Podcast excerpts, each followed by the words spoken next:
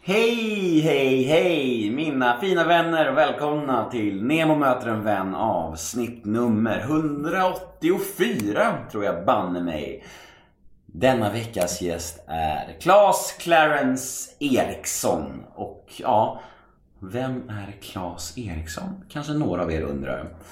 Han har ju dock blivit ett namn för den stora massan nu på senare tid med den väldigt roliga serien Leif och Billy på SVT Play. Eh, men innan det så var han väl främst känd på sociala medier, på Instagram och Facebook där han gör mycket sketcher och väldigt rolig humor och eh, ja, jag fick upp ögonen för Claes för några år sedan. Vi har sprungit ihop på Söder då och då och snackat om att vi måste göra en podd och eh, nu blev det äntligen av. Det blev ett väldigt fint samtal om meditation, om att hitta sig själv, om att förändras och våga förändras också. Klas är eh, en väldigt varm och begåvad människa med rötterna från de norrländska skogarna. Så det blev väldigt speciellt när jag möter en vän det här. Men jag tror att ni kommer gilla det.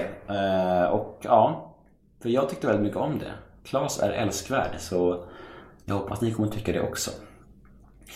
Jag heter Nemo Hedén på Twitter och Instagram. Ni får gärna följa mig på Instagram eftersom att nu började dra ihop sig till boksläpp. Min självbiografi kommer ju till hösten och den är snart klar. Den är snart färdigskriven och den släpps i oktober. Och vill ni följa nyheterna kring boksläppet så är det bäst att följa mig på Instagram helt enkelt. Eh, om ni vill skriva något fint om podden på sociala medier så använder ni hashtaggen NEMOMÖTER helt enkelt. Och ni får gärna gilla oss på Facebook. NEMOMÖTER en vän heter vi där.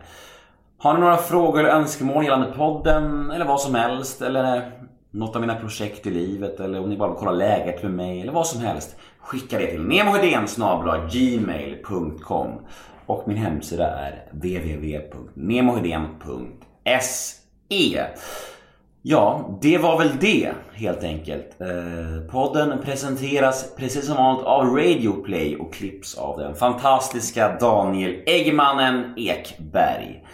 Men nog om mig. Dags för Neo möter en vän avsnitt nummer 184. Gäst Claes Eriksson. Rulla jingeln. Nemo är en kändis, den största som vi har. Nu ska han snacka med en kändis och göra honom glad. Yeah, det är Nemo är en kändis, den största som vi har. Nu ska han snacka med en kändis och göra honom glad. Yeah. Då kör vi så här, det känns bra. Välkommen till Nemo möter en vän, Claes Eriksson. Tack så hemskt mycket. Hej! Äntligen! Ja, äntligen! Jag, jag misstänker att du kommer fråga varför det sket sig första gången. Nå, men det, Eller? jag tänker att det är bådas ansvar. Vi har, vi har väl båda ställt in typ tre gånger var. Ja, jag tror det. Något I alla fall, jag kommer ihåg första gången du frågade mig. Det var ju när du hade startat precis. Mm, det var ju typ tre, tre år sedan, tre och ett halvt år sedan. Exakt. Ja. Men du hade ju haft med ganska stora namn då. Mm. Det är Wikingsson tror jag hade varit med och lite sådär. Så fick jag kalla fötter. Är det sant? Ja, gud ja. Jag kommer ihåg det, det så väl. Att... Berätta. Ja, men jag sa till min polare, jag bara låg och funderade så här. Och, usch, vem är jag? Vad fan har jag för historia att berätta? Och jag klarade inte av det. Så då blev det att jag skrev att, nej men jag, jag är sjuk.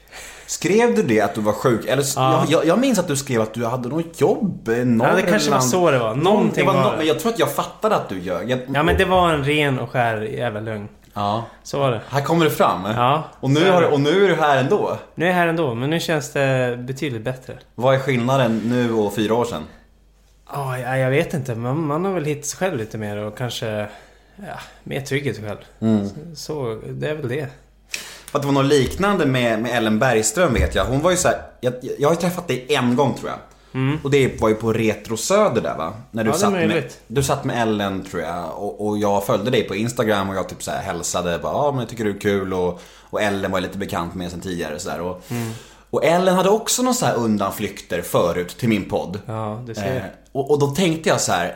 Där sitter de på Retro Söder och bara snackar skit om mig och undviker min podd ihop. De där jävla asen. Ja, fy fan. Tänk om det var så. Men det var inte riktigt så då. Nej, det var Nej. inte det. Det var bara i min hjärna. Det brukar vara så när, när jag misstänker så här mardrömsscenarion, att det bara är i mitt huvud. Det är konstigt det där. Men det är samma här. Ja. Alltså, samma här. Så är det Det är så hjärnan fungerar antar jag. Man tror att hela världen kretsar kring kring en själv. Ja, verkligen. Ja, det är sjukt. Men nu är du här. Nu är jag här. Och Ellen har varit här också. Mm, Ja, kul. ja hon är fin. Eh, Vi kommer komma till henne lite grann senare. Mm. Eh, Du är ju den andra Claes Eriksson i min podd. Mm, du hade med, vad heter han, Galenskaparna? Nej? Jo, Jo, Galenskaparna Exakt. Ja. Eh, Hur, har du någon relation till dem? Nej, Ingen alls? nej. Nej. Du är mest bara lack att inte dela namn eller? Ja, men alltså jag har ingen Wikipedia-sida så att mm, söker jag på Claes Eriksson, det är han som, man, som kommer upp. Så det är lite Du tråkigt. måste ju bli väldigt stor för att gå om honom. Alltså, Ja, De är ju otroligt folkliga. ja, gud ja, herregud. Alltså, jag så- på, hur länge höll de på? De håller på nu med. Ja, de de har väl hållit på i 40 år något så här och, och liksom, jag tror att så här, de säljer ju ut liksom Lorensbergsteatern i Göteborg Mm. så här, 800 gånger när de kör Macken liksom. Eh, Men det känns som att de har ett Macken-jubileum varje år ungefär. Ja, jag såg senast i veckan någon poster om Är det så? Macken. Ja. Ja, Så ja du ser. Ja, det är fantastiskt. ja, men jag får kämpa på så kanske jag hamnar där någon gång. Vi får se. det kan vara en liten milstolpe, en morot Ja, för dig. Den verkligen. dagen jag blir första sökningsresultat på Claes Eriksson, Då har jag kommit. då är jag hemma. Ja. Du, när vi snackade lite på... Det känns ju som att vi känner varandra, Ja, ändå. Visst är det konstigt? Ja. Varför? Så det måste ju bara vara att man följer varandra på sociala medier och skriver lite ibland. Ja, Eller? Jo men så är det nog förmodligen. Det är, och vi har liksom träffats en gång och då hälsar vi bara snabbt. Och Mm. ändå så känns det, jag tror att det är så, men jag tror också det är så att liksom bara för att man följer någon på sociala medier så känner man inte människan. Det finns ju också mycket, mycket folk som bara lägger upp trams. Liksom, Ja, som man så är inte- det. Men, Ja, men jag vet inte, det känns, jag känner mig hemma här. Ja, vad fint. Faktiskt. Eh, Vi snackade lite igår på, på Facebook och då sa du att du var nervös inför det här. Ja, men lite nervös är man. Det, det är väl för att det är, det är väl den första djupintervjun jag gör. Mm. Tror jag. Ja. Vilken ära! Ja, men det är nära. Det är jättekul. Eh, Men det är klart man är lite nervös.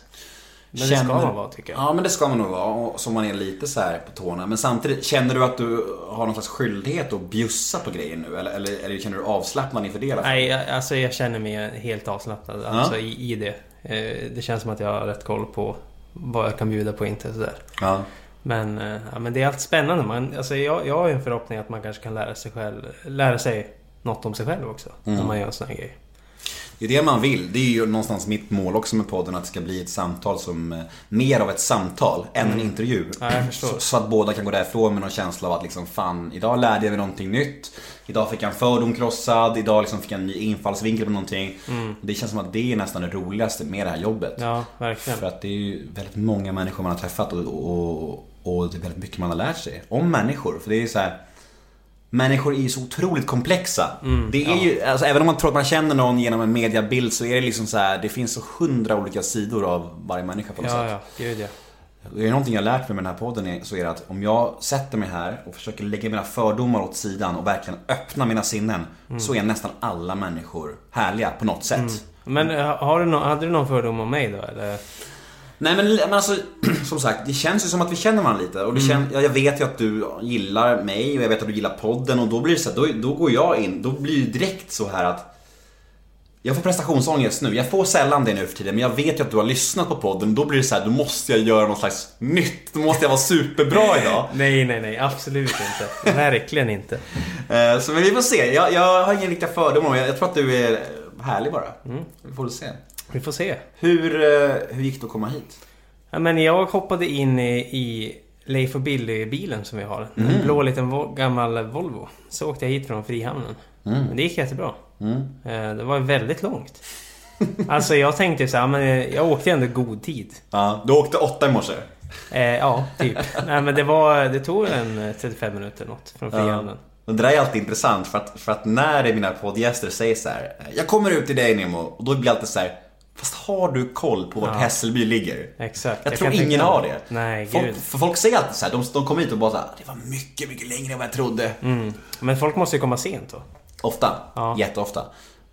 Men jag, alltså jag är ju söderortskille liksom. Jag, jag bor, som jag sa till dig innan, jag bor ju här ute för att jag har en dotter här ute. Annars skulle jag nog inte bo här ute. Är det, är det så du hamnade här ute eller? Ja, precis. Jag har ju alltid bott eh, söderort, det hållet, som Hammarbyland. Det är liksom mitt eh, born and raised. eh, Och, och så träffade jag en tjej här ute och fick barn med henne och så vill jag liksom bo nära min dotter såklart. Eh, Det är det viktigaste i mitt liv. Och det var en helt ny del av stan. Och Alltså, with all the respect Hässelby, det, är- det, det är jättefint på många sätt. Men jag eh, vill tillbaka till söderort. Du vill vara närmare stan. Ja, och jag tänker att när jag har släppt min bok i höst och den har sålt 150 000 exemplar Ja. och jag blir miljonär. Då. Då. ska jag köpa en lägenhet i söderort. Ja, ja, men du ser. Jag, har pla- jag har planen kristallklar för mig. Det är inte så långt bort om andra ord. nej, Innan men, den men, drömmen är, är sann. nej men det tråkiga med, med, med böcker är ju att om jag, jag släpper min bok i oktober, är det Mm. tänkt. Oktober, november någon gång. Och eh, om jag säljer, vi säger 50 000 exemplar, då får jag betalt ett år senare. Så det är Mm. långt kvar tills mina, tills mina lägenhetspengar kommer. Men vad får man för ett ex? Alltså, Jag har ingen aning om det. Ingen aning. Eh, Jag vet bara att mitt förlag gav mig två alternativ när jag skulle skriva en bok. Okej. De sa så här, antingen finansierar jag produktionen själv eh, och då får, då får jag eh, vad var det, 70% av intäkterna och de får 30%. Eller så finansierar de hela bokproduktionen. Ja, jag förstår. Och då är det tvärtom. Då får jag 30%. Okej. Men jag har ju ingen budget att finansiera en jävla bok. Nej, nej. Det går alltså att trycka upp så här 5000 böcker. Det- är så här. Mm. det går ju om man är liksom Joakim Lundell till exempel. Alltså du vet, som har en garanti på många sålda böcker. Eller Ja. Persbrandt, eller så här, som säljer Ja, mycket. då förstår. går det ju. Men för mig är det inte möjligt liksom. Nej. Så jag valde ju det här de producerar. Du får börja där. Kanske du har, kan eh, producera nästa bok. Då, Nästa bok. då har, du, har du kapital till det. Då kan jag skriva boken i söderort också. Ja, eller hur? Fan vad härligt. Fast du bor väl på Sö- Södermalm va? Ja, Fan, bor på Södermalm. Det går så jävla bra nu ja alltså. men det, det är så jäkla sjukt. Jag hade ett år... Jag hade bott där i tre år. Mm. Och jag hade ett år där bara allt gick min väg. Jag vet inte vad som hände. Men det var verkligen så här, jag fick nyp med armen. Vad fan är det som sker? Mm. Och jag, liksom, I all den här vevan tänkte jag, alltså det hade gått så jävla dåligt innan tyckte jag. Mm. Och helt plötsligt så bara jobb, karriär bytte jag, fick lägenhet på Söder. Allt var bara, alltså ett flok. Det känns som att jag sprang på en kille på stan. Som jag hade gått i skolan med i grundskolan i Jokkmokk. Mm. Och vi hade inte sett honom på 15 år. Och så började vi prata. Jag hade precis sagt upp mig på, på mitt målarjobb jag hade. Mm. Och eh, eh, jag hade den lägenheten som jag bodde i då genom målarföretaget. Och eftersom att jag hade sagt upp mig så skulle jag bli av med den där. Mm. Och jag hade lite panik, jag hade inte börjat lägga ut några krokar. Så sprang jag på den här killen och han bara så här, men vi har en lägenhet på Söder, vi ska köpa en och få barn så att... Vet du någon som behöver en? jag bara så här, ja alltså jag kan gärna komma och kolla på den. Ja men absolut. Ja. Och då tänkte jag så här, men den här snubben kommer ju vilja ha betalt. Alltså någon så här svart kontrakt, Ja. 200 000. Tänkte, fan ska jag göra det här eller inte? Så gick jag dit och kollade på den och så bara, ja men eh, vad ska du ha för den här då? Han bara, nej absolut ingenting. Du får liksom söka i bostadsrättsföreningen och kolla om det är möjligt. Fuck you alltså. Och så fick jag den. Och då, det är så underbart. Vart på Söder är det? Eh, nedanför Nytorget. Ja, du ser. Ja. Fan, alltså jag blir riktigt provocerad när jag hör det här. Ja, jag förstår det. Jag är ju född eh, på Skånegatan. Okej. Alltså hemma på Skånegatan. Alltså på vardagsrumsgolvet på Skånegatan. Ja, det är otroligt alltså, underbart där. Och sen flyttade jag till Bondegatan när jag var typ tre år. Och så har jag bott runt där liksom. Så jag, när jag hör att du har fått en lägenhet på- vid Nytorget så vill jag bara skjuta mig själv i huvudet. Ja, du ser. Men jag unnar dig det. Ja, jag unnar andra människor allt gott. ja, ser. jag. Det är bra, tack. Ja. Ja. Eh, Men vet du det? Vad... eh, Clarence? ja, Clarence. Clarence? Vad fan? Det är det du heter på Instagram. Ja. Vad är det liksom? Vad, vad kommer det ifrån? Varför det? Ja, men det var så här att jag var rätt tidig med Instagram. Eh, Det var ja, ingen jag kände som höll på med, med Mm. Instagram. Och jag laddade hem appen och så skulle jag ta ett namn och då älskar jag fotbollsspelaren Clarence Seedorf. Jaha. Ja, konstigt nog. Udda favoritspelaren då? Ja, jag vet. Och, eh, men sen blev det då att jag skulle ta Clarence, alltså så som han stavar det. Mm. Men det var upptaget. Så då blev det Clarence istället. Mm. Och sen hade jag bara hängt kvar. Hur länge sedan var det här? Oj, shit. Det måste ju vara... När kom Instagram? 2008 eller något? 2008, ja. ja jag, var Ja, jättes- det är jag var jättesen med det. Jag typ skaffade 2013 eller någonting. 2012. Ja, men det var... Jag tror det var typ 2008 eller något sånt. Och det roliga, det var ingen jag kände som hade det heller. Så jag la- ut så bilder på... Man redigerar på ett konstigt sätt. Och så hashtaggar man och fick kompisar från andra länder som Ja. Wow, nice pitch. Wow, nice! Cool pick dude! Ja, exakt så var det. Så det höll jag på med Det är ganska... därför du har så mycket följare. Det är bara massa konstiga Ja, ja. fransmän och holländare och amerikaner. Ja, ja, de har hängt kvar där. Ja. Ja, men så där har jag bara harvat ett tag. Men då, det, det namnet fick jag hänga kvar helt enkelt. Fan, jag är lite bitter på att jag inte var tidigare med Instagram alltså. Hade jag haft Instagram när jag var med i Kungen av Tylösand, Ja. Då hade jag haft massa följare. Ja. Nu har jag inte Instagram kvar överhuvudtaget, så det är, det är lugnt nu idag. Men jag har, jag har varit bitter över det. Ja, jag förstår. För jag, när jag ser de här jävla Paradise Hotel-deltagarna som får 80 000 följare på en kvart liksom. Mm. Ja, jag fattar. Men det här med... Du, du har lagt ner Instagram. Ja, jag... Det måste du eh, nästan eh, berätta lite om. Ja, ju- nej men, alltså, nej men alltså, ja du läste väl inlägget? Alltså, Ja, jag det, läste. Det är ju flera olika aspekter i det. det är, dels så känner jag att eh, jag låter mig påverkas för mycket om vad folk tycker. Jag låter mig formas av kommentarer, jag, lå- jag blir... eh, Och jag blir väldigt frånvarande i livet. Eh, Jag, jag, liksom, jag är mer i min telefon än vad jag är med min dotter när jag umgås med henne liksom. Jag Jag, fokuserar på att göra roliga stories med min dotter istället för att vara med henne liksom. Vad värderar hon mest tror du? Att jag är närvarande eller att jag liksom filmar henne kul? Ja, jag förstår precis vad du menar. Och det är ju så, det är, det är, det är en jättetuff grej att göra för att det är så här, Det blir påtagligt hur stor del det är av ens liv. Alltså man är ju besatt av sociala medier, eller jag är, och, och man har telefonen i handen hela tiden och Ja, dels de, de grejerna, sen så också har jag, jag har ju varit så extremt öppen på Instagram. Det, så här, skrivit helt naket om mina värsta demoner och spöken. Och det gör ju, om man väljer att gå en sån väg som jag ändå har valt, då blir man ju liksom otroligt sårbar. Ja. Och, och jag eh, i samråd med min terapeut eh, kom fram till att jag måste skaffa mig lite integritet, lite privatliv och hitta någon slags spärr där. En sköld. För att även, jag, alltså syftet med det är ju gott. Jag vill hjälpa folk och inspirera, du vet så här, sprida hopp och Ja. du vet, belysa tunga saker så, så folk som mår dåligt kan känna så här, ja men vad fan, Nemo har också gått igenom det där. Och det är ju tanken är god. Men senaste liksom året har jag känt att det tar mer än vad det ger. På något sätt. Mm, ja, jag förstår. Men det blir ju att man också fyller upp den. eh, Alltså, så fort man blir rastlös så tar man upp den här telefonen. Mm. Alltså man, man får aldrig vara rastlös eller liksom... Eh, ja, inte göra någonting. Så upplever jag det med telefon. Mm. Eller liksom, jag kan sitta och titta på TV och sen samtidigt sitta och scrolla medan tjejen också sitter och scrollar. Och vi, ingen av oss tittar på programmet, vi umgås inte. Utan man sitter med telefonen. Jag kan inte vara närvarande i någonting. så här, Nej, jag är på bio och, och även om jag gillar filmen så tar jag upp telefonen tio gånger under filmens gång. Alltså det är helt sinnessjukt. Mm. Ja, det är skadat alltså. Ja men det är så här, vi har tappat bort liksom verkligheten. Vi har tappat livet på något sätt. För att vi... Och det är så jävla osunt. Mm. Man verkligen känner det. Verkligen. Ja, Jag håller med dig. Det är verkligen intressant det du gör. Alltså, jag själv håller på att liksom försöka minska skärmtiden. Att s- slå av eh, liksom, telefon vid nio på kvällen och inte kolla, logga ur grejer och sådär. Det funkar rätt bra för mig. Eh, Men sen tycker jag också att det blivit mer ointressant med Instagram och allt vad det är. eh, Personligen. Så det blir automatiskt att jag, att jag tittar mindre och håller på. Jag, är också, jag känner också en, en här skyldighet till folk att jag måste svara när folk skriver. Om, om någon skriver så här, alltså jag får ganska mycket mail från så här, folk som kämpar med missbruk och sånt här. Då känner jag att jag måste svara alla och det gör jag gärna men det blir också att det blir en tung börda att bära. Och jag ska Ja. vara den här förgrundsfiguren för nyktra livet och att det är så fint att bli nykter och drogfri. Och jag vill också kunna må piss. Jag vill också kunna se att livet suger ibland. För det gör ju det. Även om jag väljer att vara nykter och drogfri eller inte så mår man ju piss ibland. Så är det ju. Livet kommer att ske oavsett. Så det. Så, så, det, så liksom så här, och, det, och det kände jag i slutet att jag inte kunde liksom vara ärlig med att jag mådde piss. För att jag var tvungen att vara så här lycklig och lyckad.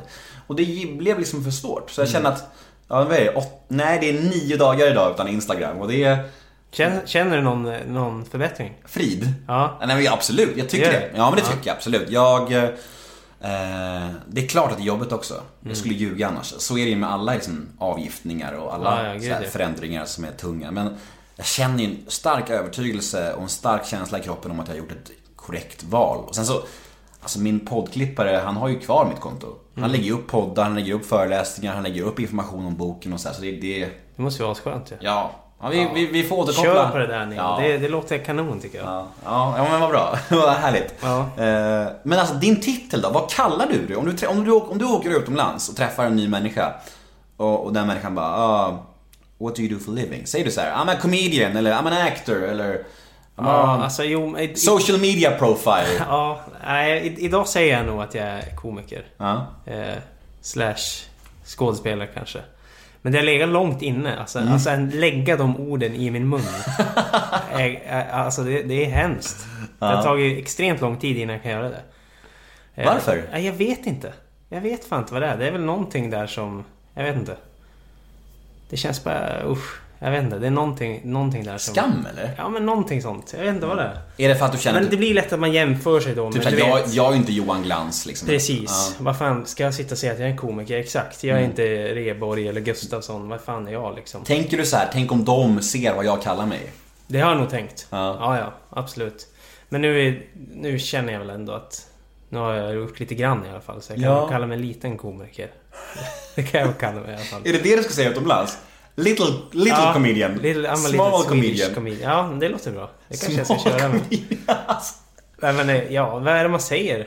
Ja, det är det. det. Nej, men du kan, du kan väl säga I work with entertainment? Ja, det kan man Det är säga. ett samlingsord för allt du gör. Ja, Liksom så här, lite humorprogram, lite... det, det ska jag köra med nu. I work with entertainment. Ja, exakt. det är schysst ju. Ja, men det är schysst. Vad, eh, hur, eh, hur spenderar du dagarna just nu när du inte jobbar? Vad, hur ser en vanlig dag ut? Eh, på helgerna då? Ja, eller en vardag. Om du inte har jobb liksom. Om jag inte... Alltså jag är ju en extrem enstörning alltså. Mm. Jag är ju...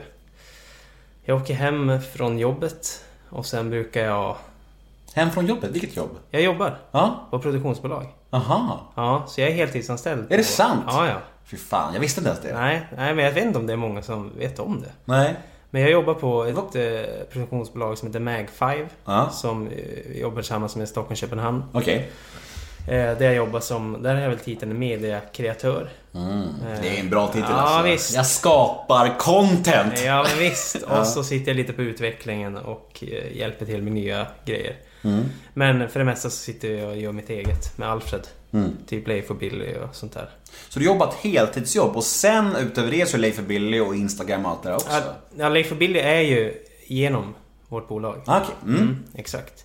Så det, det är det jag gör där. Mm. Helt enkelt. Men det blir mest att vi gör våra egna grejer som Leif och Billy och nu ska vi testa lite andra grejer och sådär. Men eh, när jag inte är där på jobbet så... Vad gör jag? Så jag är ju... Ja, som sagt, jag är hemma väldigt mycket själv. Och tycker om det. Eh, och mediterar gör jag ganska mycket. Ja, vi skulle komma till det. Det gör ju jag också, eller försöker göra en, Ja. en del. Det är ju, ingår ju liksom i 12-stegsprogrammet. Mm. Är Får man lära sig meditera där? Ja. Är det så? Eh, Mina rutiner eh, genom 12 steg handlar om eh, tre, tre grejer. Mm. Primärt tre grejer. Och det är eh, böner, meditation och inventering. Okej. Eh, böner handlar det handlar inte om att be till Allah och folk, har ju, folk misstar ju det där så mycket om, om att 12 steg är religiöst och allt det Det handlar inte om religion. Mm. Nej. Det handlar om att tro på någonting annat än sig själv. Det är det Ja. Mm. 12 steg handlar om. Det handlar om att sluta tro på mitt ego. Exakt. För mitt ego har tagit mig till missbruk. Så jag måste börja tro på någonting annat. Mm. Och då väljer jag att tro på gemenskapen. För där sitter människor där inne som har lyckats ta sig ur missbruk. Och det har inte jag lyckats med. Då Nej. tror jag på dem. De är min högre makt. Förstår du Ja, vad jag menar? jag förstår precis. Man behöver inte göra det mer svårare än så. Nej. Ändå så ska folk ha så mycket motstånd mot 12 steg och bara Åh gud, åh åh, det är så hemskt och religion. Ja men visst, knarka ihjäl er då om ni hellre gör det. Jag är tillfrisknad och jag, och jag valde att liksom tro på gemenskapen. Det räckte för mig. Det, är så här, det, är, det, det är lite synd där att folk, men jag förstår det. Det är ett laddat ord, gud. Det är Ja. verkligen det. Men är det inte alltså, lika som i meditation i vissa kretsar, buddhism och sånt. Mm. Så pratar man Då tror jag också folk att det är religiöst. Alltså, men det handlar ju ofta om alltså, närvaro. Mm. Är ju, går ju också under namnet Gud. I, om, i sådana böcker. Eller medvetenhet är också Gud. Mm. Det är det de pratar om. Men folk blir skitskraj när de läser vadå Gud? Nej men det är, vadå jag vill inte hålla på med någon Gud. Men det är inte Gud. Nej, det är det jag menar. Det handlar liksom om en förenkling. Ja, det är bara exakt. en förenkling. Folk använder ordet gud för att man ska ha någonting att rikta sig mot. Ja exakt. Det är bara det det handlar om och det är så trist att folk hänger upp sig på det. Men det är ju för att det är så ett så laddat ord liksom. Ja, och så det är det. förstår jag. Men i alla fall, jag, jag har tre böner som jag drar varje morgon och jag har en meditation och sen så inventerar jag varje kväll. Och min inventering är typ eh, nio frågor. Jag går igenom så här, har jag varit, eh, min dag, jag går igenom min dag. Har jag varit självisk? Har jag varit oärlig? Har jag varit arg på någon? Har jag varit rädd? Har jag, vad kunde jag gjort bättre?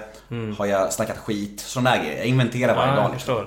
För att hålla liksom mitt inre hus rent, om man säger Ja, så. jag fattar. Eh, Så det drar mig till det. Hur ser din, eh, hur ser din meditationsrutin ut? Eh, nej men jag försöker meditera 20-30 minuter varje morgon. Som, som det ser ut nu. Mm. Eh, men jag, jag, alltså... Hur det började med, med att jag ens började meditera var att...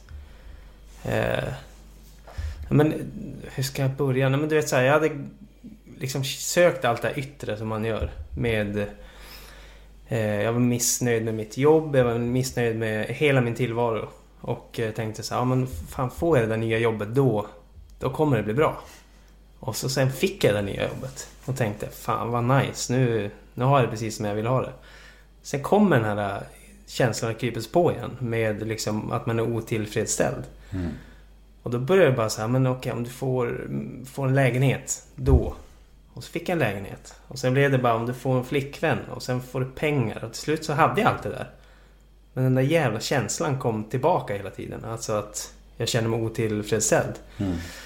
Och det var då jag bara började så bli medveten om det här med belöningssystemet. Hur, hur det började ta sig form med andra saker. Man började dricka mer och jag Mm. började så här, gå ut och äta oftare. Och till slut var det liksom när jag faktiskt åt middag med, med min familj. Så sitter jag och jämför den med allt annat. Alla and, andra middagar jag haft den här veckan. Och det, det var liksom ingen nice. Sen, jag förstörde mitt belöningssystem och, började hålla på och bli liksom destruktiv och försöka söka den här lyckan i andra saker. Mm. Försöka lösa ett internt problem med externa lösningar. Ja liksom. men exakt. Och sen kom det bara till någon så här jävla brytpunkt där jag bara vaknade upp svinbakis. Och kände så här, nej nu fan får det vara nog. Nu tar jag en vit månad. Det var liksom, jag grepp efter det halmstrået där. Att nu får det vara bra. För jag, jag var ute varje helg. Mm. Och eh, så, så började den där vita månaden. Det var en jävla ett helvete. Mm. Ett eh, riktigt helvete tyckte jag det var. Alltså första helgen, jag låg som ett... Alltså jag tyckte det var fruktansvärt att vara nykter. Eh, men sen andra helgen, då blev, var en kompis som la ut på Instagram att han skulle åka iväg på en sån här retreat. Mm. Eh, I tre dagar. Och eh, jag, jag liksom sa, ja men då, då har jag liksom en, någonting att göra. Nu när jag ändå ska vara nykter. Så då åkte jag iväg. Jag hade inga förväntningar på vad meditation var. Jag googlade inte ens. Jag liksom bara åkte dit och så sa jag så här, nu fan ger det det här liksom hän. Gör, gör det bara. Mm. Fullt ut. Eh, så åkte jag dit och eh, fick liksom lära mig allt det här om egot. Hur egot fungerar och liksom hur känslor och tankar fungerar och det var liksom... Ja, det, var, det hände något jävligt konstigt där. Det bara liksom... Det jag kunde se mig själv utifrån på något sätt. Mm.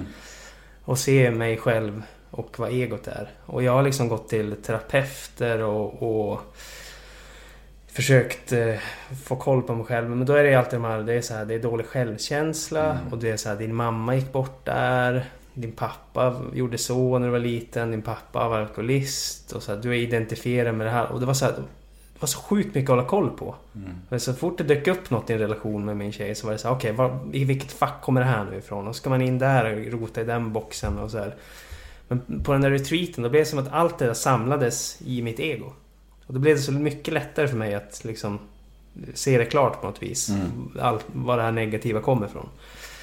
Eh, Så jag var där och eh, åkte därifrån och var bara så här för första gången... ja, Jag vet inte, jag kan inte minnas när jag kände en sån, en sån kärlek för mig själv. eh, Och för andra. Helt plötsligt, från att sitta i bilen och vara liksom... Tänka negativt om någon som går över övergångsstället. Till att känna en, en universal kärlek för allt. Så, så var jag helt hooked på det där med meditation. Mm. Så det var väl det och sen då, då blev det så här naturligt för mig att det här, det här äh, alkoholsuget jag hade, det bara försvann. Alltså, de, jag har haft lite svartsjuka liksom i min relation försvann. Alltså saker bara försvann. Jag fick Mm. liksom koll på mig själv och eh, var i kontakt med mig själv för första gången på väldigt länge. Mm. Och det var extremt eh, befriande. Mm. Så sen har jag bara fortsatt med det där och liksom försöka eh, ha någon balans med hjälp av meditationen. Hur lång tid, eh, hur, hur länge sedan var det här? Det är ett år sedan ganska precis. Mm. Ett år sedan. Så... Men jag tror att många människor, det här när man ska bli nykter till exempel. Jag tror att många människor tänker att nu ska jag bara bli nykter och, och, och då, då kommer det bli lugnt, då kommer det bli bra. Men det handlar ju ofta så att man måste ju ersätta det med någonting. Man kan ju liksom inte bara, för plockar du bort någonting då blir det ju tomheten liksom. Man har ju, man har ju använt alkohol och droger för min del till att fylla upp någonting liksom. Ja, Så för exakt. mig var det verkligen att jag behövde ju fylla på med någonting annat.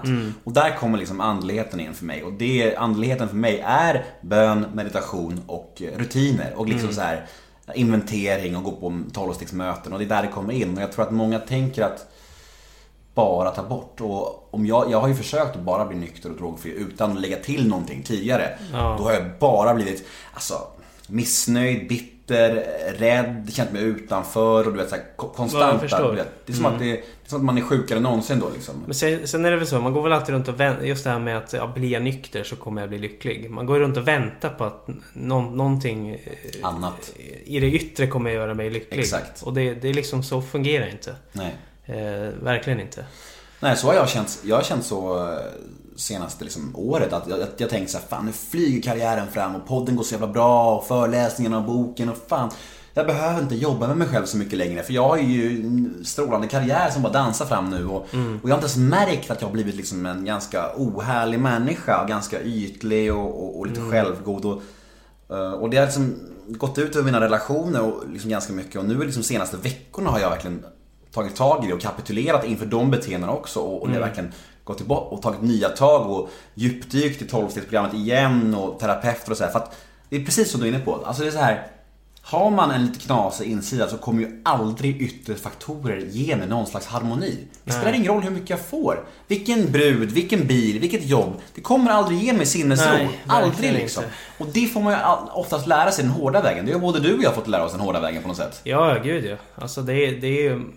Alltså man har identifierat sig med hur mycket knasiga saker som helst upp, Mm. genom uppväxten och liksom... Och allt det där. Släppa den och liksom bara vara i nuet. Alltså det, det är Det är sån... en konst, men det är fantastiskt när man Ja lyckas. men det är så fantastiskt. Och sen när man blir medveten om, om hur, hur tankarna, eller egot, som man också kan kalla det, fungerar. Mm.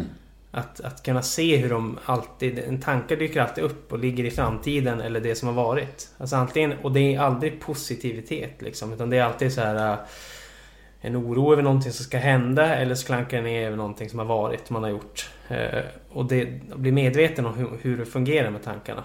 Och, och kunna hela tiden hålla sig i nuet. Mm. Det är... För mig är det alltså så extremt skönt. Jag ska, vi ska avrunda den här diskussionen med att Mm. jag drar eh, en av mina böner. För den handlar om egots eh, slaveri. Mm. Och jag tycker det är så himla fint. För vi pratar ju om egot här och vi är inne på samma spår. Det är tredjestegsbönen i tolvstegsprogrammet och den lyder så här. Eh, Gud, jag överlämnar mig till dig för att du ska forma mig och göra med mig som du vill. Befria mig från mitt egos slaveri så att jag bättre kan utföra din vilja. Befria mig från mina svårigheter så att segern över dem kan bära vittnesbörd till dem jag vill hjälpa. Om din kraft, din kärlek och ditt sätt att leva må jag alltid handla enligt din vilja. Mm.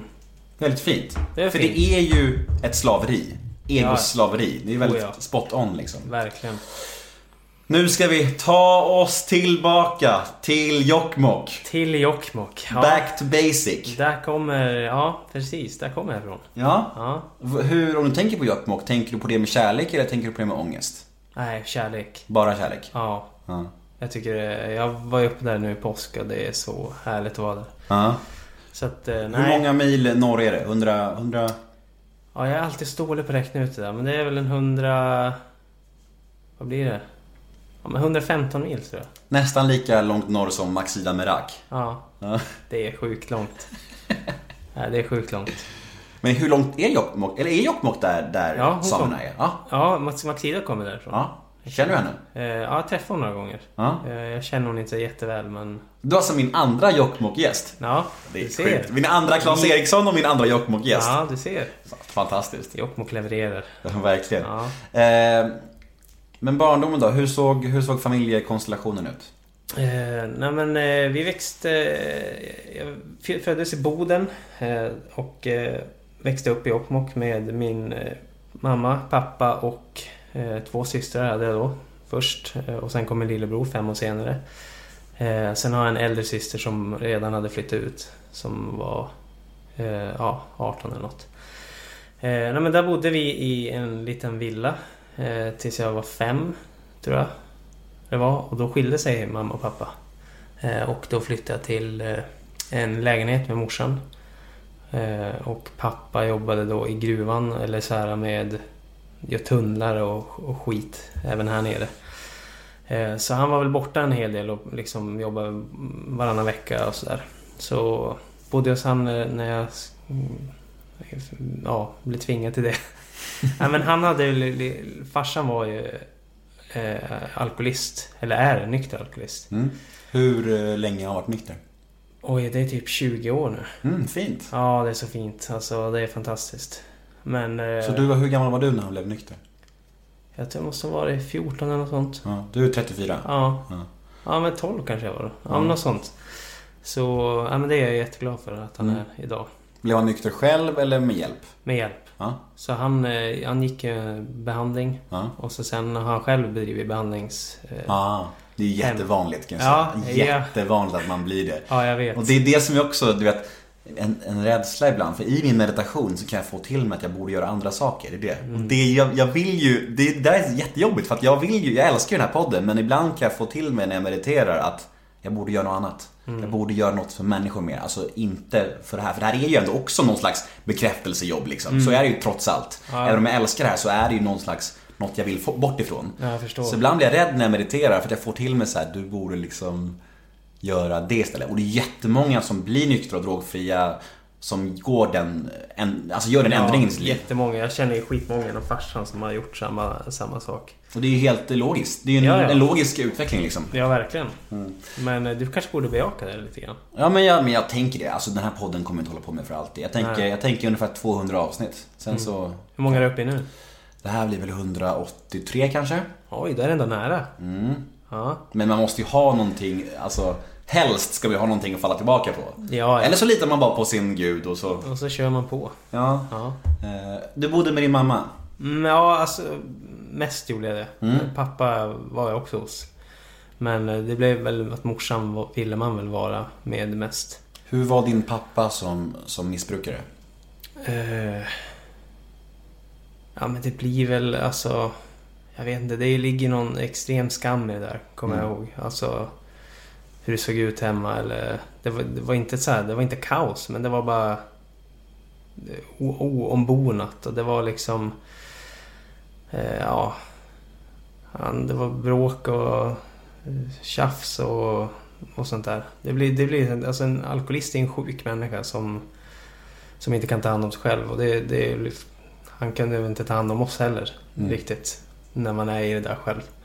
Så att det, det har man väl fått uppleva en massa skit med Mm. liksom. Eh, så det, det kommer jag ihåg som en extremt jobbig tid. Eh, verkligen. Minns du när han blev nykter? Eh, nej, alltså. Jag var ju med honom på behandlingshem och, och bodde där och hälsade på. Och, och så Familjeveck, här. familjevecka? Ja men exakt. Ja. Familjevecka. Fint alltså. Ja, det var Ja. fint. Men... Ja, men jag, det, det fanns ju också så det, det, det tog sån tid för mig att förlåta min, min far. Alltså... Eh, jag vet inte varför. Jag har haft en, en knasig relation till honom med mycket agg och negativitet mot honom.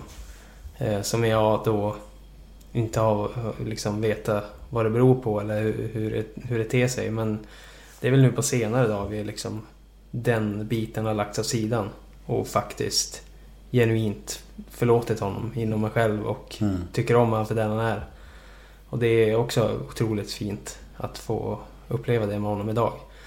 Men som ung var det extremt jobbigt. Jag hade eh, Min mamma blev också sjuk i, i cancer när jag var 14.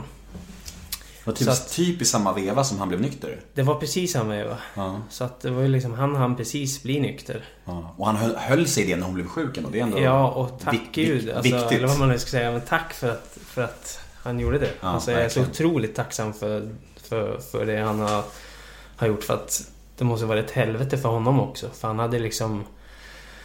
Eh, ja, hans barns mamma gick bort och, och han blev själv med, med oss. Mm. Eh, och jag vill inte ha med honom att göra då. Nej. Alltså jag, jag bodde hos stödfamilj när min mamma gick bort eh, över sommaren. eh, Och liksom gick till SOS själv och försökte så få lösa det på något vis. Han bodde i Hudiksvall, min pappa då, och eh, höll på att utbilda sig till behandlingsterapeut. Mm.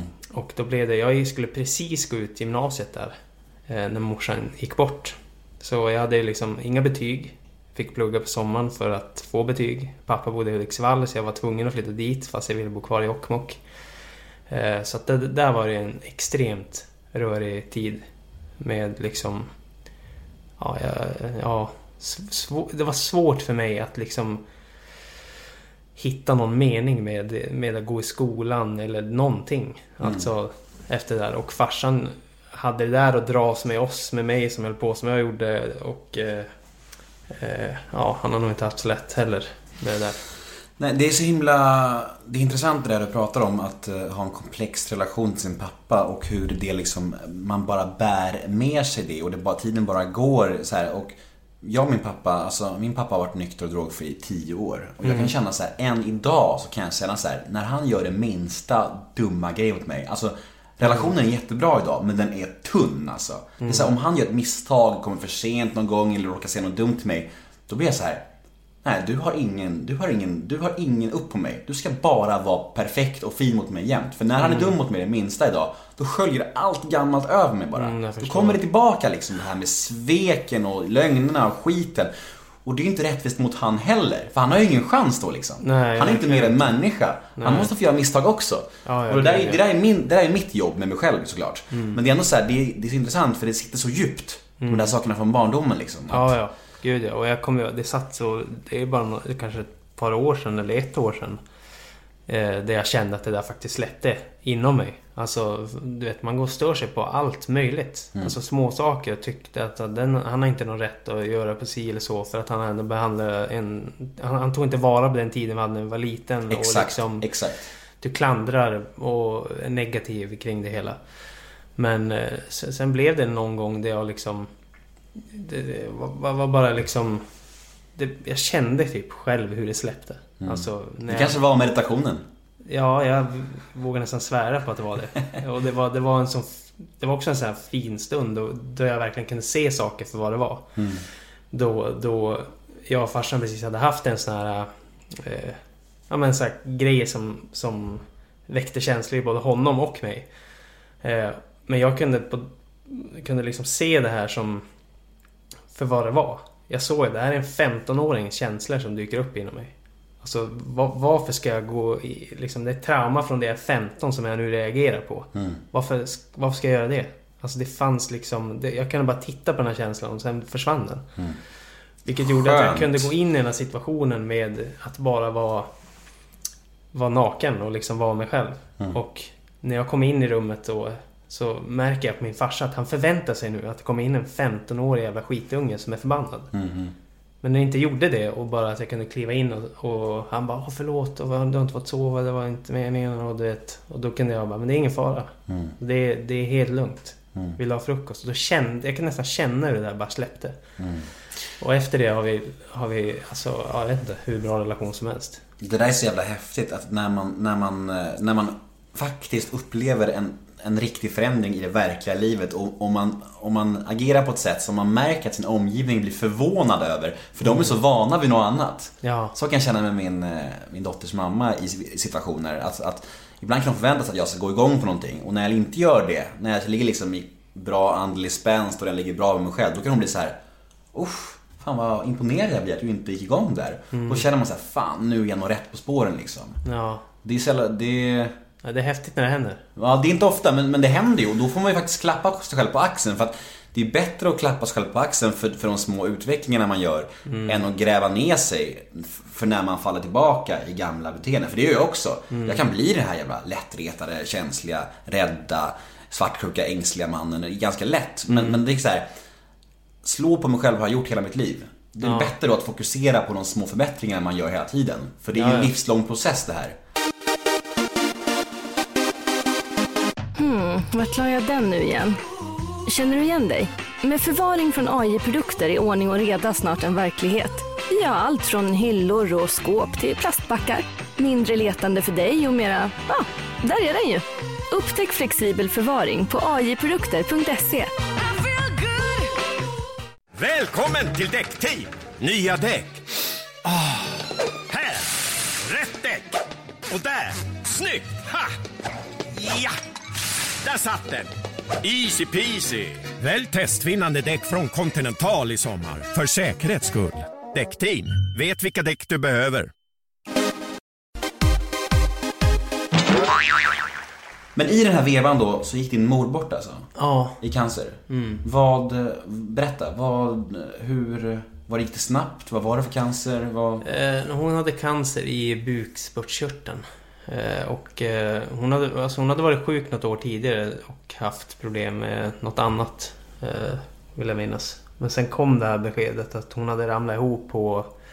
Hon jobbade som dagisfröken och de hade varit på badhuset. Och så hade hon ramlat ihop och fick åka in och så fick vi reda på att det där var cancer och... Ja, sen var det väl... Jag kommer inte ihåg om det var ett år eller något sånt där. Du var 12. Ja, 13...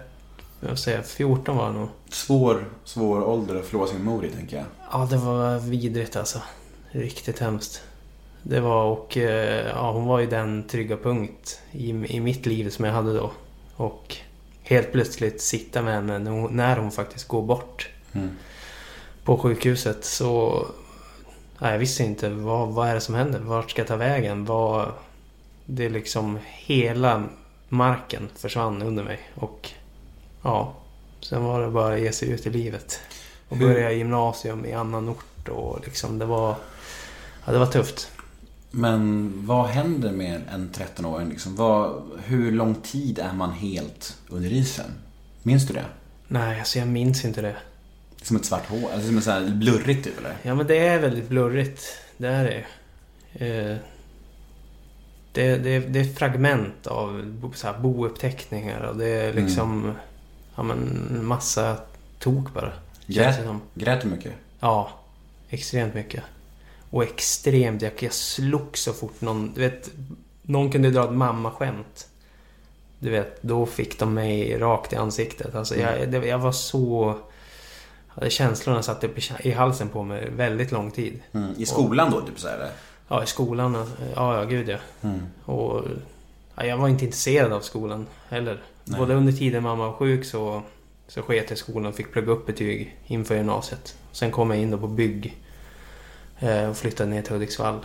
Och eh, ja, ny stad och liksom man bodde med farsan. Så vi hade väl kanske inte den... Eller jag hade inte, var inte den trevligaste mot honom och höll på där och gorma.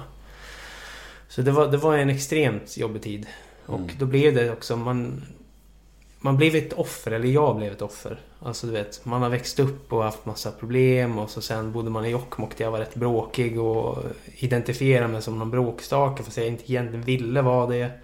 Flyttade till Hudiksvall och sen, ja, allt det här med morsan så blev det att allt det här sammanfattat blev att man gick runt som en offer och tyckte så här, ja men det är väl det här jävla pisslivet man ska ha och det ska vara så här och Mycket självömkan. mycket självömkan, exakt. Sj- Självömkan är väl tvärtom mot andlighet, typ. Ja, verkligen. verkligen. Och det, det är liksom... Så det var så, så började det liksom att för mig att bli vuxen. Att komma in i det där och det blev, det blev ingen bra start helt Nej. enkelt. Är det så du minns skoltiden? Bara som bråkig och stökig och, och, och tråkig liksom? Eller vem, vem var du i skolan liksom? Vil- Vilken roll tog du? Ja, men jag har väl alltid varit den här skojiga eh, killen har jag varit. Men sen eh, blev det just... Alltså när man var ute och drack och grejer och fick i sig lite öl så var jag gärna ute och bråkade och slogs och hade mig. Du var alltså en, en, en fysisk, alltså du slogs? Ja, och Ja. jag kommer ihåg många gånger att jag inte ville vara den. Mm. Alltså, och det, jag tror det var så bra också när man kom till Hudiksvall. Att, eh, för Jokkmokk var den som alltid var där och, och slogs. Och jag kände många gånger att när det blev bråk så förväntades folk att men nu ska väl Klas Mm. hjälp, hjälpa till här. Eller Hoppa in, Claes, Ja, hoppa men in. exakt. Ja. Och, det, och där kände jag liksom hur det satt kvar i mig när, även när jag kom till Hudiksvall. Men då började jag träffa lite andra människor som inte var kanske lite stökiga och, och så här. För de blev det verkligen konstigt när jag började slåss med någon. Mm.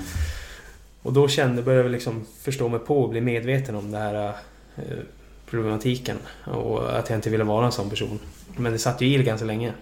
Att man Men- på med det där. Men hinner man drömma? Jag tänker, hinner man drömma när man är i... Det låter väldigt rörigt liksom. Att du är bråkas och slåss, dricker öl och Mm. pappa, mamma. Det, det, det är jobbigt, det är snurrigt liksom. Hade du några drömmar och mål om livet? Eller var det bara att du var liksom så här. Nu ska jag bara genomlida plugget får vi se. Ja, nej men absolut. Jag hade noll drömmar. Noll. Noll drömmar. Alltså man gick ju och drömde om att vinna på Lotto men det är en så här overklig... Ja, det är Mm. bara en, det är en riktig dröm. Ja, Det är ju dröm, det är ju dröm-dröm. Ja men det är en drömdröm men det fanns inget så här att gå och ta på. Typ så här, men Nej. du jag utbildar mig till det här och så, och så vill jag göra det här. Jag visste, jag hade fan ingen aning om vad jag skulle göra. Alltså det var liksom, jag skulle ha valt gymnasium när jag var 30 kanske.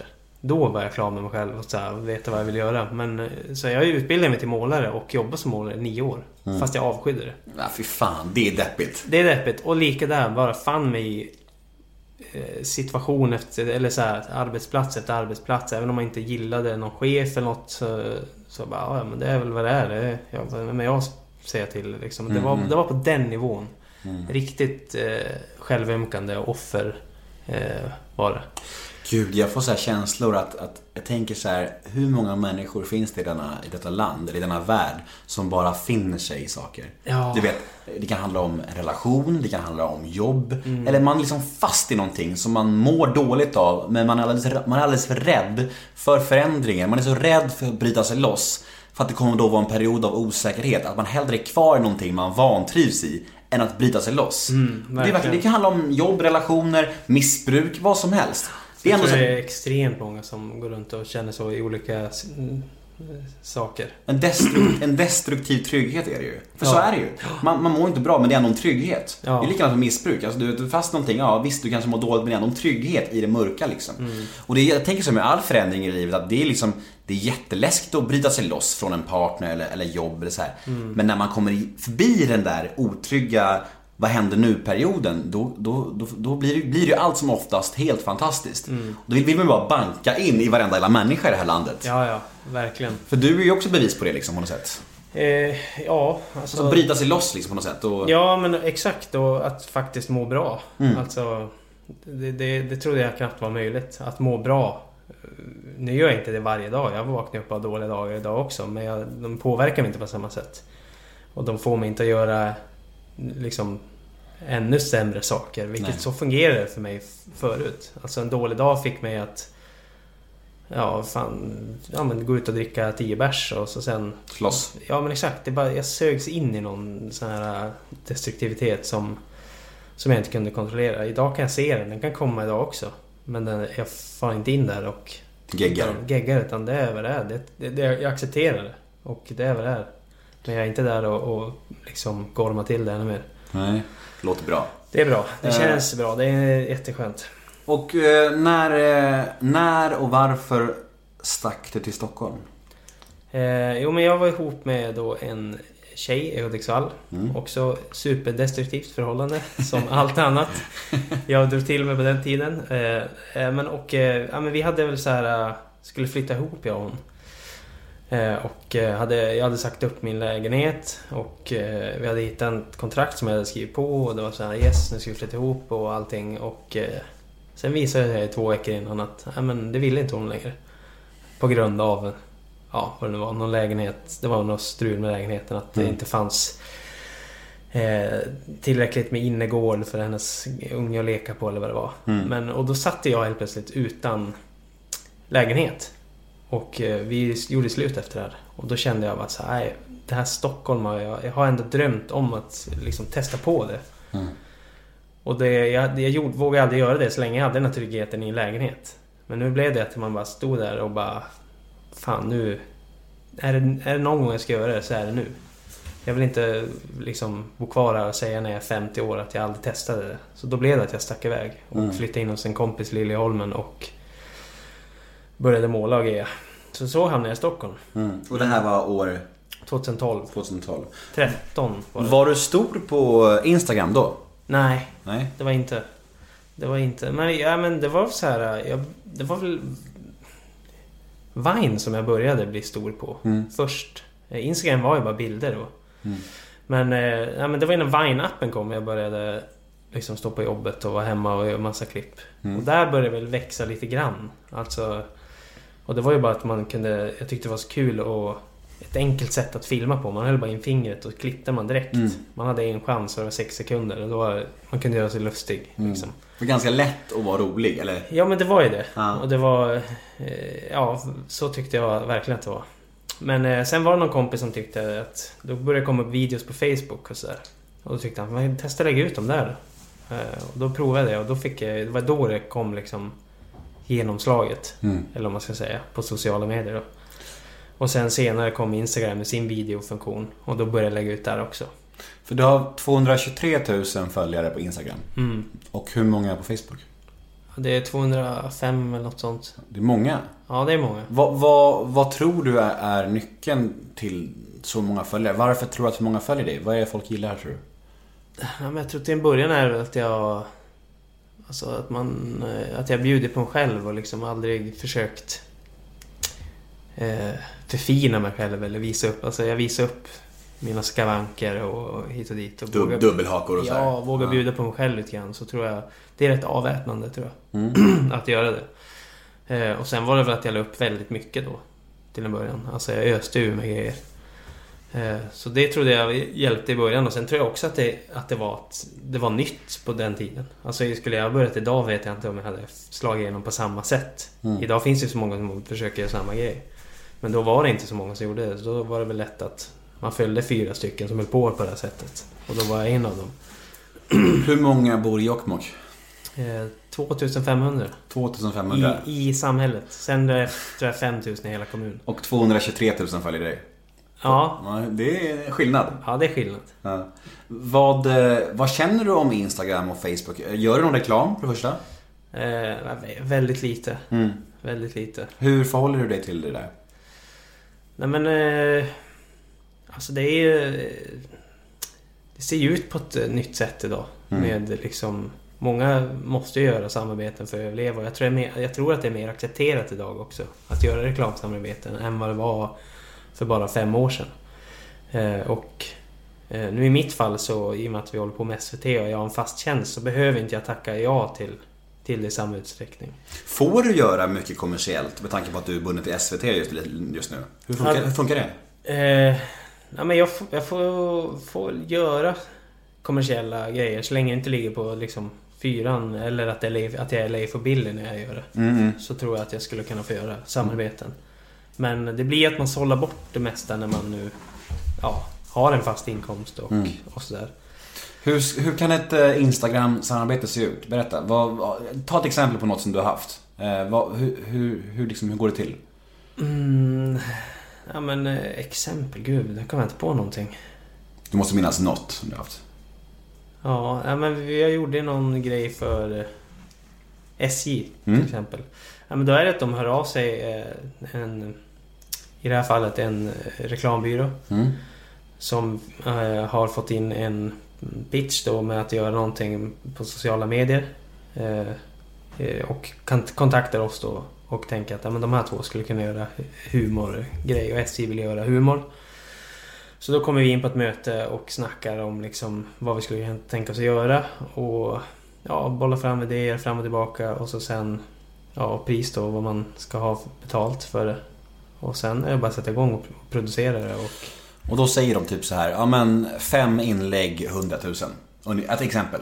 ja, så skulle det kunna se ut. Är det, vad, vad, vad ligger det på då? Det måste du kunna säga. Ungefär, Nej, men men- exakt. Skulle jag producera eh, en film på Instagram och Facebook som jag lägger ut på Mm. mina plattformar, då skulle jag ta 25 000 för det. Mm. Okej, ja, men Ja. Det, de, var generöst att du berättade det i alla fall. Ja, Ja, bra. Eh, jag tycker det är spännande alltså. ja visst är det det? Ja. Och hur, mycket tjänar de största tror du? Typ så här. Oj, shit. Men fan var det jag hade? Jag hade ju Lukas Simonsson i podden för ett tag sedan och då sa väl han... Nej det kan inte jag säga i podden, det, det, sa, vi, det sa vi utanför. Säg det i podden. Nej jag kan inte jo, det, det, är, det det. är oschysst. Eh, men däremot kan jag säga det till dig efter. Ja, ja, Eh, absolut. Men det var väl ungefär, med tanke på hur era följarskaror skiljer sig, han har väl ungefär dubbelt så mycket tror jag. Ja, han är extremt mycket. Ja. Mm. Eh, Men lite ändå samma, på något sätt. Där han också väldigt så här fläker ut sina fula sidor. Väldigt Mm. så här, du vet. Och jag tror att det, ja, det finns någon, någon likhet där. Ja. Eh, Ja, i alla fall. Vi går vidare och pratar lite Leif och Billy. Eh, Mm. Hur kom idén till och hur kom, eh, hur fick ni, alltså och hur ser det ut en, så, en sån grej? Blir man rik på en sån serie eller? Ni gör väl allt i serien typ, eller? Ja, vi Ja. gör allt. Ja. I princip. Ah. Det är, ja, alltså vi, tar i, vi har ju vårt folk på vårt produktionsbolag där vi jobbar. Mm. Som, som hjälper till. Men Mm. annars är det vi som skriver. Allt det kreativa står vi för. Eh, från liksom penna till att vi klipper klart det. Mm. Eh, så att, eh, ja. Och hur kom, hur kom idén till? Ja men Det började väl med att jag höll på med så här norrländska eh, bre- Prata bred norrländska när jag höll på på sociala medier. Och det tror jag var att eh, Jag var jävligt Tyckte det var jävligt läskigt att vara mig själv. Alltså s- spela mig själv när jag gjorde saker. Så jag drog på en bred norrländska eller någon dialekt för att Mm. få distans till det där. Eh, och sen, eh, ja men det höll jag på med och sen träffade jag Alfred och då satt vi och snackade om att vi skulle vilja göra två bröder som eh, liksom var, eh, ja satt i den här sitsen som de gör. Men hur, träff, hur, träff, hur träffades ni? Vi träffades genom United Screens som är ett eh, YouTube-nätverk. Mm, okej. Eh, Så att jag, jag var själv då, hade en YouTube-kanal på den tiden och eh, han jobbade där som producent. Mm. Så de skickade ut honom eh, för att hjälpa mig att filma. Och det var så vi började hänga. Och ni bara klickade? Ja, Ja. det gjorde vi väldigt fort. Väldigt fort. Han är otroligt lätt att klicka med, Alfred. Är ni, är ni typ bästa vänner idag? Ja, det skulle jag säga. Fint ändå! Ja, nej, men han är otrolig. Absolut. Man, man, man blir lite glad att ni är det på något sätt. Ja, men det är härligt. Ja. Nej, men, eh, det, det går inte att inte tycka om honom. Han Nej. är extremt Han verkar mysig. varmhjärtad och fin person. Mm. Jag minns någon sketch ni gjorde ihop när, när någon, en av er har någon slags eh, flygplan som flyger och då ägg Mm. Ja, på pannan. Ja, Väldigt kul. ja, Då tror jag att kommentera på att det var min favorit av alla ni har gjort. ja, vad kul. Väldigt kul. Eh, Ja, nej, men vi träffades där i alla fall. Och sen så pratade vi om att göra två norrländska bröder. Mm. Lite så här, man var väl lite inspirerad av Mon och Tobias. Mm, när de kom. Jag tyckte de var så jävla bra. Ja. Och just det här sunkiga de hade. Mm. Eh, Så var vi väl inne på det spåret. Sen gjorde vi ingenting av det liksom. Eh, Och eh, jag var sen och spelade in reklamfilm med Mag 5. eh, För Norrlands guld. Mhm. Och eh, Där har vi ju cash. ja men det, det var mitt första cashjobb. Som jag gjorde, reklamjobb. Så det var kul. Men eh, Vad fick du för det?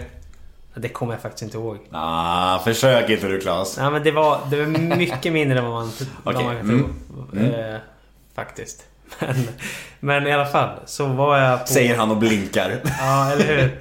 Men eh, då, då var det så kul för att då när vi var klara med det där så sa den som var VD då på Mag5 så här, Men du, fan vi ska ju starta en YouTube-satsning här. Så- Så känner du någon som, som är high på det här med YouTube? Någon kille i 30-årsåldern. Mm.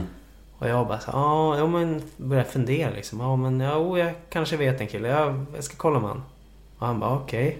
Och så gick det liksom några dagar och så ringde han upp och bara så här, har du, har du kollat upp med den här eller? Nej fan förlåt jag glömt. Jag, jag ska göra det. Men han men alltså det är dig, vi- dig vi menar. Det det förstår du inte att det är dig jag menar. Mm. Jaha okej.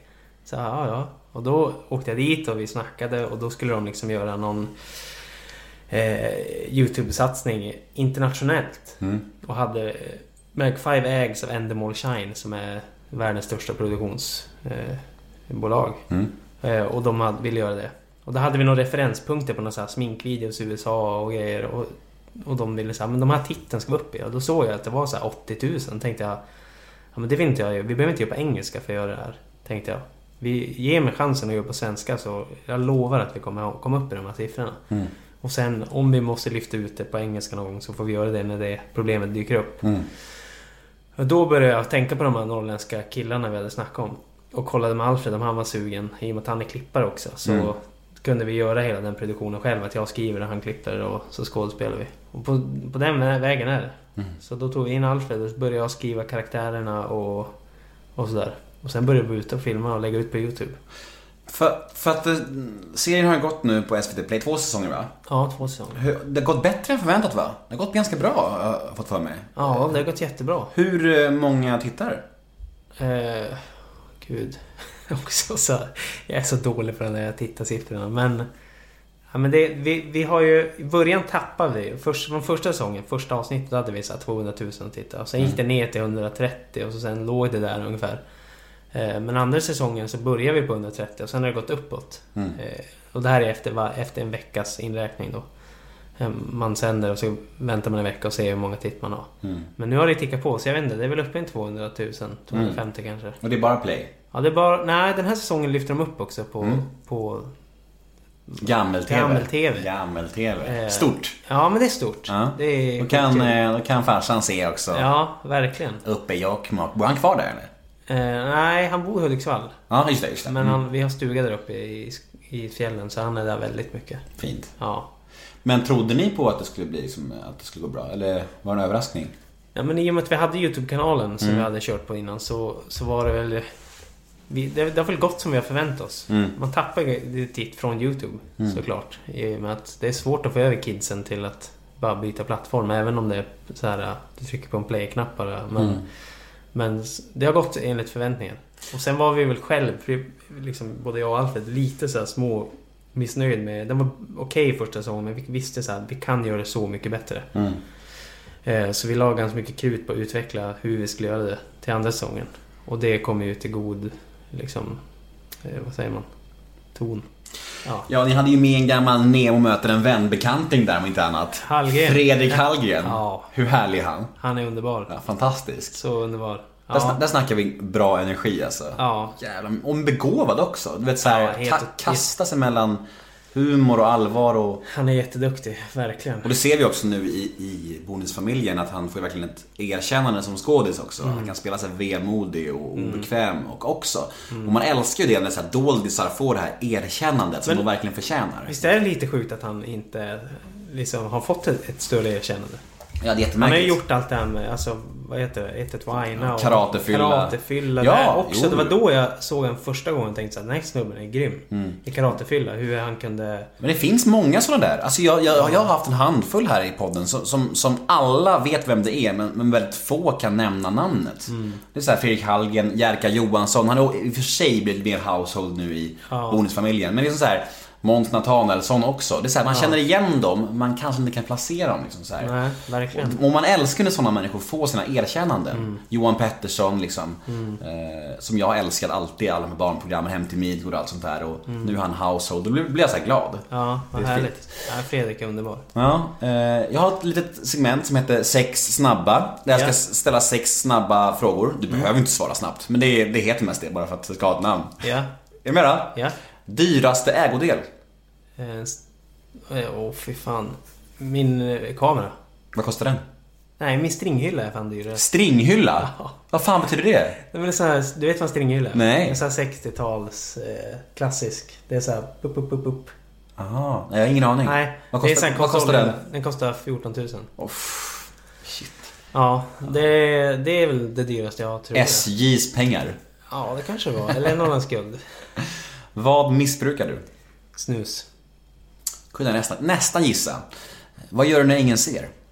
Eh, mediterar. Vidrigaste du gjort mot en annan människa? Slagits. Slagit någon tror jag nog är det vidrigaste jag gjort. Bästa kändiskompis? Oj, Alfred då?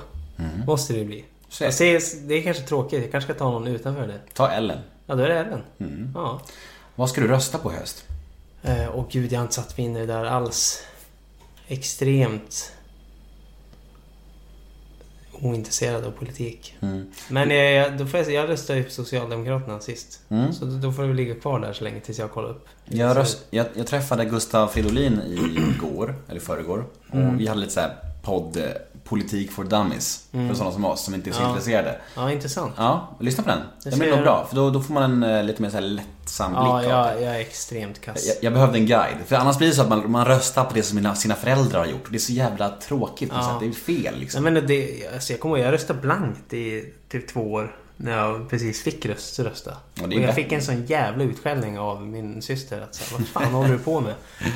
eh, och då blev det just det att hon, hon röstade på vänstern. Mm. Och jag bara så här, men vänstern var lite väl, ja men då blev det socialdemokrat. Och det var också så här, jag tror morsan var socialdemokrat. Mm. Så då blev det lite så här, jag ville, ville vara som henne. Men eh, jag, jag är ointresserad faktiskt. I vilka sammanhang blir du som mest osäker? Eh, alltså, ja, där är mycket folk kanske. Så fester och fylla och där kan jag bli lite osäker. Jag tänker att du är en sån som tar rummet med storm och drar vitsar och Nej. pe- penisvitsar kanske? Nej, för fan. Nej. Alltså när, när jag känner de som är där, då kan jag ta mycket plats. Mm. Och vara, vara den roliga. Men eh, annars så... Jag är gärna den som sitter i ett hörn och betraktar bara. Mm. Och dricker din öl? Ja, nu dricker jag inte längre men... Inte alls? Nej. Är det sant? Ja. Du har gått till min sida. Ja, alltså, eller jag, alltså det är inget så här, jag har aldrig sagt... eh, Jag vet inte vad, det har bara blivit så. Jag dricker inte. Nej. Jag mår, När- jag mår mycket bättre när jag inte gör det. Så att, och så När- vill jag vara min bäst, bästa version av mig själv. Ja, men det förstår jag. När drack du, när var du packad sist? Eh, det var, jag vet inte, fyra, tre månader sedan kanske. Mm. Något sånt. Mm. Och det var sista gången jag drack också. Mm. Mm. När blir du som mest less på dig själv? Eh, ah, när, jag, när, jag, när det kom in negativitet i skallen. Alltså när, det kan jag bli jävligt trött på. Det sker ganska ofta. Typ ältande eller? Ja, ältande eller liksom sitter och trycker ner en själv eller håller på. Självömkan? Ja, då kan jag bli less på mig själv. Det känns som att jag är klar med den där skiten nu. Mm. Så att ja, men, ibland lyckas det få fast mig. Men det, det, det blir mindre ofta. Ja, vi har ju pratat om det lite grann mående så här, men vad har du för relation till psykisk ohälsa? Eh, Känner du att du är klar, att du, att du känner dig trygg i det nya liksom? Men, eller blir det, kan det bli alldeles mörkt även idag? Alltså, Ah, det är sällan det blir alldeles mörkt alltså. ja. Det, det är det verkligen. Men det, för mig började ju det här med att jag gick till en psykolog och sen köpte jag någon så här bok om självkänsla eller vad det var. Mia Törnblom. Ja, exakt. Och Så blev det- jävla bra. Ja men det är så sjukt. Då fick man någon insikt där. Ja. så blev det så här, man började öppna, öppna dörren till, till liksom... Ja, att må bra helt Mm. enkelt. Till personlig utveckling. Och sen har jag väl varit på den, den vägen. Jag har gått och snackat med någon och sen det här med meditationen och hit och dit. Men jag är inte klar. Nej. Det tror jag aldrig jag blir. Och eh, även fast man liksom känner att wow, nu mår jag bra. Jag liksom är trygg i mig själv och jag behöver inte massa negativitet och grejer. Så kan ju det också bli ett sökande. Mm. Alltså att du börjar söka spirituellt. Precis. Det blir ett sökande. Det är också så här, det funkar inte heller. Nej. Man måste hitta en balans och den, den tror jag att man kommer aktivt få jobba med hela livet. Ja men verkligen. Alltså att, att, att söka för mycket också. Du vet, att, att, att, då blir det också själviska syften tänker jag. Att du, du, vill, du vill göra saker för att må bra. Ja. Det blir inte heller rätt på något Nej. sätt. Du ska ju hitta den liksom, balansen, lugnet på något sätt. Och Ja, det, exakt. Och det, ja, det var, det, min sponsor sa något väldigt fint häromdagen. Vi pratade om meditation och han sa så här. Jag är inne så här, jag vill så gärna hitta den perfekta meditationen där de säger klokast saker. Och då sa han så här. Fast Nemo, det handlar inte om att hitta de som säger bäst saker. För då blir det ju också prestation. Då, då söker du resultat. Då blir det själviskt. Det du ska göra när du mediterar, du ska avvara tid för Gud. Avsätta tid för Gud. Utan något själviskt tänk. Men han la fram det så. Att man liksom bara ska sätta sig i ett tyst rum kanske och prata, gå igenom sin dag i huvudet. Så här, "Ja, men, Idag vill jag vara kärleksfull, tolerant och så här. Du vet, bara vara i sig själv och inte tänka någon slags prestation eller resultat. Då blev det så make sense för mig på något sätt. Ja. Avsätta tid för Gud. Ge Gud en stund av min tid. Istället för att liksom så här tänka, jag måste höra de bästa sakerna, jag måste liksom, du vet. För då blir men- det också själviskt på något sätt. Ja men exakt. Och det är, alltså, när jag mediterar så är det att jag sitter eh, tyst oftast utan musik eller någon guidning. Mm. Bara fokuserar på andningen. Eh, och det du nämnde som Gud i det spirituella som vi, eh, eller som jag har lärt mig, så är det medvetande. Mm. Eller, eller varande. Att man bara ska vara. Och låta tankar och känslor passera utan att man går in i dem och liksom det blir en ond cirkel. Man, man, man är observatören av tankar och känslor. Mm. Och så, så fort man tappar fokus då går man tillbaka till andningen. Och så eh, sitter man och bara gör det. Utan att liksom fylla sin, sin tid med bara liksom i det yttre. Man tittar på telefon, man tittar på TV. Utan man faktiskt avvarar tid för att bara i stillhet. Exakt. Och liksom, eh, ja, bara vara. Liksom noll prestation, noll, Exakt. noll prestige och noll förväntas saker tillbaka. Det, är det, Nej, exakt. det gäller bara att ta sig den tiden, det är det det handlar om. Mm, jag ja. tror att det är då magin händer. Ja, Men sen är det, det, det är ju, man, det är så också så här, ibland går det någon tid när man kanske inte mediterar på en vecka. Mm. Eller liksom sådär. Och det, det gäller som sagt att bara hitta balansen i, i det hela. Jag kan nästan lova att den här podden kommer bli lite för flummig för många av mina lyssnare. Men jag tycker, Så att det, det jag tycker att det är bra för att det, det, det, är jätte, det, finns, det finns många också som, som kommer tycka att det är fantastiskt. Ja men sen tror jag, alltså det, det kan ju lätt bli att det låter flummigt. Men Mm. det, det handlar om att leva i nuet mer. Mm. Och det tror jag alla i dagens samhälle med allt som händer. Man är uppkopplad jämt, man är kontaktbar, man jämför sig på sociala medier. Allt det tror jag man skulle, man skulle behöva lära sig i skolan. Att sitta tyst och Mm. bara vara ibland. Eh, minska på det här eh, egot Verkligen. som man har. Berätta om din värsta drogupplevelse. Drogupplevelse? Mm. Eh, ja men fan, jag vet inte om jag ska göra det alltså. Blir det jobbigt då? Ja, men jag, jag tror jag hoppade alltså. Ja. Just bara för jag vet inte, droger för mig, det är, alltså, droger är ju gjort för att man ska tycka att det är, det är härligt. Mm. Det är så, här, så Så har det väl varit även när jag har provat. Mm. Och jag, jag tycker inte droger är en bra grej Nej. i, i, i slutändan. Det finns ju en baksida som, som väger över, tycker jag. Tell me about it. Nej, Nej, jag menar att jag har varit där kanske. Ja, jo, exakt. Både det positiva och det negativa ja, kan jag jag säga. förstår. Eh, men ja, vi hoppar den då. Mm. Eh, när fick du senast ta en selfie med någon? Eh, när var det? Det var typ förrgår eller något. Mm. Fick jag ta en selfie. Kändis. Ja. Vad tycker du om det? Blir du glad då? Jo men det är, det är trevligt. Ja. Folk är ofta så, alltså man kan ju ha en dålig, dålig dag. Sitta på bussen och helt plötsligt kommer fram någon som är superglad och ger en massa energi. Så då, det är bara härligt. Mm. Jag har ett segment som heter ett ord om. Mm. Där, jag säger fem stycken svenska kändisar och du ska säga första ordet som kommer i ditt huvud. Oh. Det här vet du säkert för att du har hört min podd. Så att, Ja, men- men jag har även funderat på. Nej. Eh, jag säger fem kändisar, du ska säga första ordet som kommer i ditt huvud Ja. när du hör namnet. Alex Schulman. Eh, lättkränkt. Marcus Birro. Ja, jag vet väl lite om honom men han verkar ju galen. Sara Larsson. Eh, jag vet fan. Jimmy Åkesson. Eh, han är också lite galen. Le- Leif GW Persson. Eh, han är härlig. Mm. Så damma av lite lyssnarmail också. Ja. Eh, Hej Claes, jag tycker Alfred är extremt lik Petter Bristav. Finns det inte vi- vissa likheter där? Nej. Nej, jag tror inte det. Men jag, jag tog upp det här med dem en gång. Att de är lika? Eh, ja, no, det var någonting jag gjorde. Och båda blev arg. Är det sant? Så Båda då- blev Ja, varga? jag för det. Att ingen, ingen ville vara lik den andra. Nej, det, är jätte, det är ju verkligen mörkt. Det är sorgligt att Ja. ingen vill vara lik den andra. Då, då går alltså båda de och tror att de är snyggare än den andra. Nej, jag tycker de båda är fin. Ja, båda är fina. Båda är men, fina. men de är lika. Ja. Hej Claes, vilka poddar lyssnar du på? Eh, eh, Alex och Sigge har jag lyssnat på väldigt länge och gör det fortfarande. Och sen är det lite så här Tutto Balutto fotbollspodd. Jag lyssnar på din podd. När det är Bra sagt. jag vill, vill veta mer om. Vill du rekommendera någon Neo möter en vän för någon? Men du har inte haft Felix Herngren va? Jag har försökt. Är han omöjlig?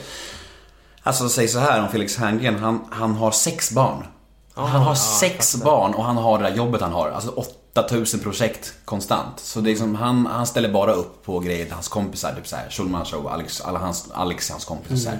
Jag känner inte Felix, men jag har ju haft alla i hans närhet liksom. Mm. Ja, jag vet det. Och jag skulle gärna ha Felix, men han är ju så extremt uppbokad och fullbokad. Men han är välkommen hit när han får en lucka. Ja, grymt.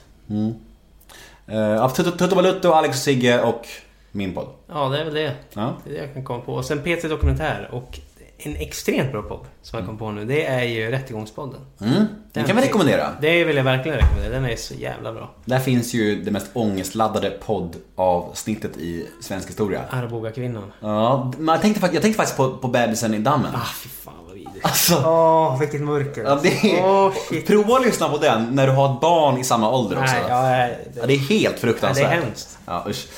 Bre- mail nummer tre. Hej Claes, berätta om, din, berätta om din relation med Ellen Bergström. Har du någonsin varit intresserad av henne mer än som vän? Ska ni jobba ihop igen? Ni är sjukt roliga ihop. Ja, vad härligt. Nej, jag har aldrig varit intresserad av henne. Som mer än vän. Eh, Men... eh, Ja, vi, vi har inte gjort så mycket ihop på senare tid. Eh, Men jag hoppas att det blir fler gånger. Mm. Vi försöker liksom ta in folk vi känner i Leif och Billy-serien så gott det går och, och sådär. Och jag tycker hon är skitgrym. Mm. Men eh, ja, vi får se.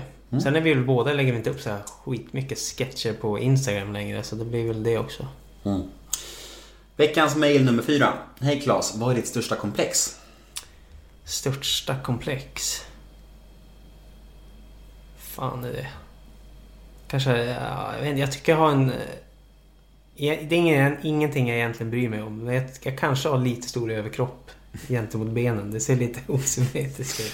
Det låter ju som en grej som bara är du som tänker på. Ja, och jag, jag tänker faktiskt inte på det. Men om Nej. jag måste komma på något komplex så är det nog det. Jag förstår. Ja. Eh, sista mejlet. Eh, Ja. Klas. Även om Leif och Billy har sin charm så är det väldigt lätt underhållning. Det känns som att ni slår igen öppna dörrar när ni driver med stereotypa bönder på landsbygden. Ganska hjärndött.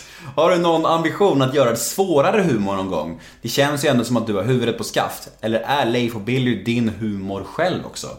Det är ett hårt mail, men ändå sakligt. Det är sakligt. Nej men så är det. det Leif och Billy är ju väldigt enkel humor. Men uppenbarligen så är det ju något som, i och med att många kollar, som saknas och ja, uppskattas. Så... eh, Är det din humor? Eh,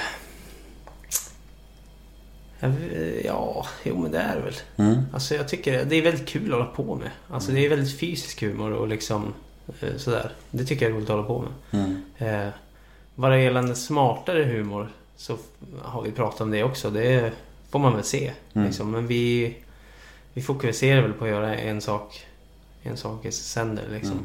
Vad garvar du åt, alltså, i humorform? Eh, alltså jag konsumerar extremt lite om jag ska vara ärlig. Men jag, förut tittade jag mycket på Will Ferrell och ja, sen det Herngren och Rheborg och de här har gjort.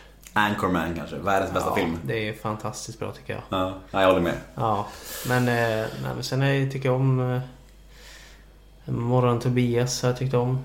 Och Solsidan och Bonusfamiljen och jag tycker de är duktiga på Mm. FLX och dra fram grejer. Nu har inte Morgon Tobias något med det att göra men...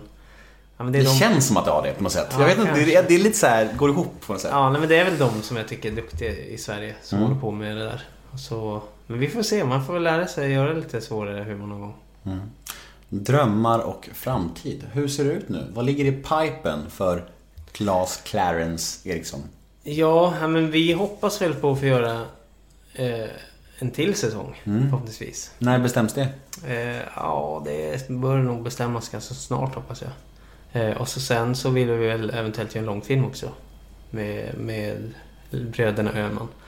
Annars så... äh, Jag har inga karriärsdrömmar mer än så. Jag har ingen dröm. Jag har men- ingen dröm. Jo, men jag har en Ingenting har förändrats från skoltiden. Det är Jo, samma sak. Nej, Inga jag, drömmar. Jag har en dröm och det är att ha en lägenhet med min flickvän. Mm. Samt en liten stuga i skogen. Mm. Eh, Och det är väl genomförbart, hoppas jag, inom ett par års framtid. Och då, då kommer, det, det är min dröm. Hur länge har ni varit ihop? Mm, två, tre år. Hur träffades ni? På nyårskalas hemma hos mig. Ska ni skaffa barn snart? Jag vet inte, vi... Oh, svårt det där. Det, vi, vi, vi får se. Mm.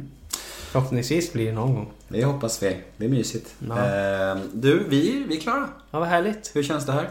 Det känns bra. Mm.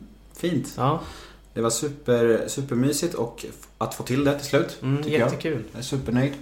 Om man vill följa dig så finns ju du lite överallt som vi var inne på. Och då heter du väl Clarence överallt typ? Ja. Ja, och hur stavar man det? E